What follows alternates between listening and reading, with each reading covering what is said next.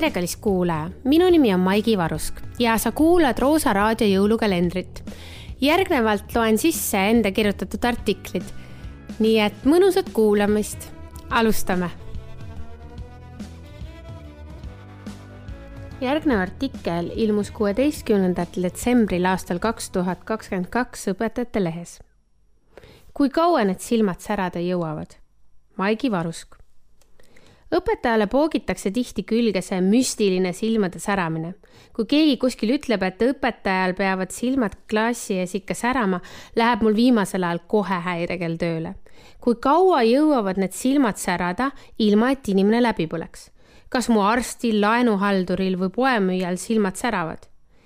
jälgisin nädal aega inimesi enda ümber ja vaatasin, kas nende silmad säravad või vaatavad nad mulle vastu klaasistunud pilgul koolis oli nii üht kui teist. oli kolleege, kes tuiskasid mööda säravate silmadega ja neid, kes tundusid juba jõule ootavat ja olid töösse mattunud. poes nägin sära laste silmis, täiskasvanud liikusid ringi tunnelpilguga arsti silmis ei märganud ma mitte midagi, sest enamiku visiidiajast toksis ta midagi arvutisse. Liina Kersna kutsus novembris haridusentusiaste Toompeale arutama teemal koolis ja õnnelik kuidas see on võimalik? ma ei tea, mis seal räägiti, sest ei osalenud, kuid võib arvata, et vähemalt korra käis vestlusest läbi sõnapaar säravad silmad. vaatasin sotsiaalmeedia kajastusi üritusest ja kahjuks nägin seal tegevõpetajaid vähe või üldse mitte. ju olid nemad sel päeval klassi ees tunde andmas ega saanud osaleda mulle meeldib, et sellel teemal arutavad inimesed, kes ise on koolist eemal või sealt ära läinud ehk oskavad kõrvalt vaadata ja öelda, kuidas see siis võimalik on. tagantjärele tarkus on täppisteadus. teen ettepaneku, et Liina Kersna kutsuks järgmisel korral enda inspiratsioonipäevale Kaire Jõe Kohtla-Järvelt, sest usun, et tema teab vastust. õppeaasta on õpetajale maraton. õpetaja töö tundub mõnikord nagu maraton augusti lõpust juuni keskpaigani aina kütad. Vahepeal teed väikse peatuse, sööd soolakurki nagu maratonil ja kütad siis edasi. erapraksise suhtetark looja ja õppejõud Katrin Tint rääkis Roosa raadio teemasaates läbipõlemisest ja vaimsest tervisest õpetajad võib-olla panevad mind tuleriidele selle mõtte pärast, aga mulle tundub, et õpetaja suvepuhkus on liiga pikk. just see viiskümmend kuus päeva suvel on kirss tordil mille pärast paljud üldse koolis töötavad ja on siia nii kauaks jäänud, sest suvi on aeg endale ja endaga olemiseks ning tõesti võimalused end välja lülitada. hea puhkuse tunnus on see, et kooli naastes ei mäleta sa enam arvutiparooli, mida eelnevalt üheksa kuud iga päev miljon korda sisse toksisid. totaalne restart on tõesti pika suvepuhkuse üks plusse. Aga need ülejäänud üheksa kuud maratoni see on ikka võimas pingutus nii õpilasele kui õpetajale. ma ei imesta, et paljud õpetajad kurdavad mingil hetkel läbipõlemise üle. läbi võib põleda aeglaselt või kiiresti. kas põled läbi paari kuuga või vaikselt aastaid susisedes. miks võib õpetaja läbi põleda? jah, mõned arvavad, et nõrkusest. nõrk oled, ei saa hakkama. eks igaüks võtab nii palju, kui kanda jaksab ja mõnikord arvab õpetaja, et ta jaksab kanda kõike ning aina kuhjab ja kuhjab endale ülesandeid. lõpuks ongi käes hetk, mil enam ei käida jõud üle öötundide arvelt, pole ka võimalik näpistada. ma ei taha luua õpetajatööst kuvandit, et me kõik põleme läbi, aga mõned kahjuks teevad seda just sel põhjusel. kui need inimesed tegutseksid mõnes teises valdkonnaks, põleksid nad sama ereda leegiga olen isegi olnud olukorras, kus kohustuste nimekiri muutub aina pikemaks. üks kolleeg ütles, et tema jaoks oli ohumärk see, kui ta seisis klassi ees ega teadnud enam, mis teemat õpetama peab ja millise klassi ees seisab. mõnikord ei tule piir ette õpetamisest, vaid kõigest muust, mis hariduses toimub. ühel seminaril kuulsin kolleegi ütlemas, laske mul ometi õpetada. on ju viimasel viimastel aastatel näha ja tunda, et kool saab ülesandeid aina juurde ja sellega suureneb ka õpetaja vastutus ja koormus. kui siis on veel baasvajadused nagu oma töölaud või stabiilne koormus rahuldamata, ongi eeldus läbipõlemiseks olemas. sest ebakindlus ja suured muutused viivad meid tasakaalust välja. mulle on jäänud mulje, et läbi põlevad just head õpetajad. õpetajad, kellele antakse ja kes võtavad, sest nende missioonitunne on nii suur.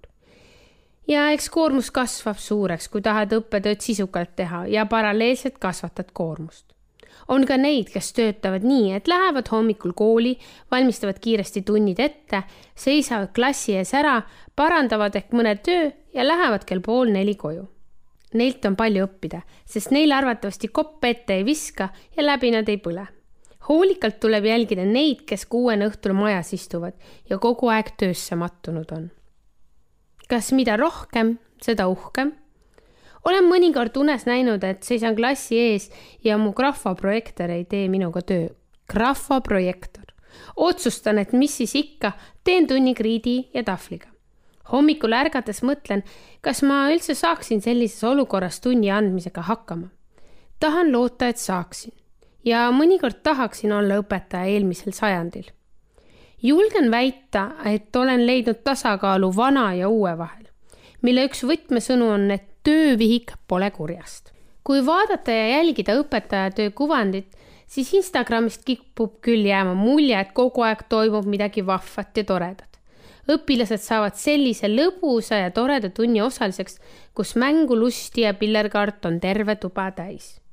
Puudu on veel vaid ponid, suhkruvatt ja vikerkaarevärvilised kommid kui oled ülekoormatud ja kapis ootab hunnikuti viisi töid, siis arvan, et on okei okay kasutada õpikut ja tööviiket ja ollagi see igav õpetaja, kes laseb tööviikut täita. olgem ausad, mille jaoks see siis üldse tellitud on? selle jaoks ongi, et õpetaja elu veidi lihtsamaks teha, et me üle ei töötaks, sest koolis ülesandeid juba väheks ei jää. Neid kuhjub uksest ja aknast juurdegi tulema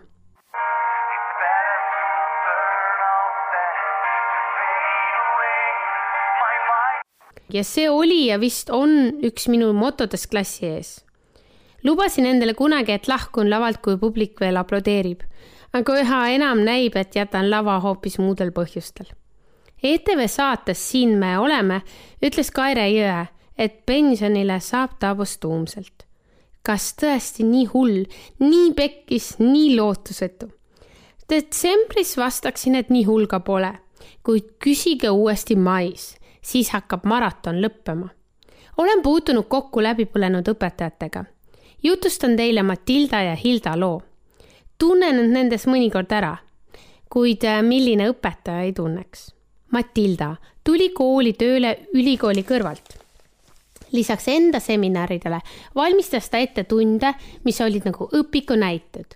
kõik tunnid olid ehitatud üles vastavalt ülikoolis antud formaadile iga tunni kohta oli tunnikava koos sellele kuuluva aja ja tegevuste kirjeldustega. tööviik oli paha ja tuli diferentseerida. ühes tunnis tuli ühe ülesande jaoks pakkuda vähemalt kaks alternatiivi, sest klassis olid hariduslike erivajadustega lapsed ja neile tuleb anda võimetekohaseid ülesandeid. Ja siis olid muidugi aktiivsed ülesanded, kus õpilased said liikuda, sest nelikümmend viis minutit istuda on saatanast lisagem sinna veel käitumusprobleemidega õpilased, sest ilmselgelt oli Matilda saanud klassid, mida kogenud pedagoogid ei olnud soovinud õpetada. igal nädalal kirjutas ta vähemalt neli lauset igale õpilasele, sest lapsevanem soovib tagasisidet. Matilda osales igal nädalal infokoosolekutel kell kolm pärastlõunal ja kuulas tublisti ära, mis probleemid on WC-s ja kuidas söögiga rahul ollakse. tihti venisid ta päevad nii pikaks, et talvel kadus arusaam ööst ja päevast, kõik sulas ühte. Matildast sai õpetaja, kes kinnitas statistikat, et koolist lahkutakse esimese viie tööaasta jooksul. Hilda oli noortele alustavatele õpetajatele eeskujuks, sest tema tundides oli hea distsipliin. ühtegi lisaliigutust ta ei teinud, ühtegi lisakohustust endale ei võtnud või õigemini ei lubanud panna. kooli üks patroone eelmisest sajandist mitu põlvkonda oli tema karmi kätt tunda saanud.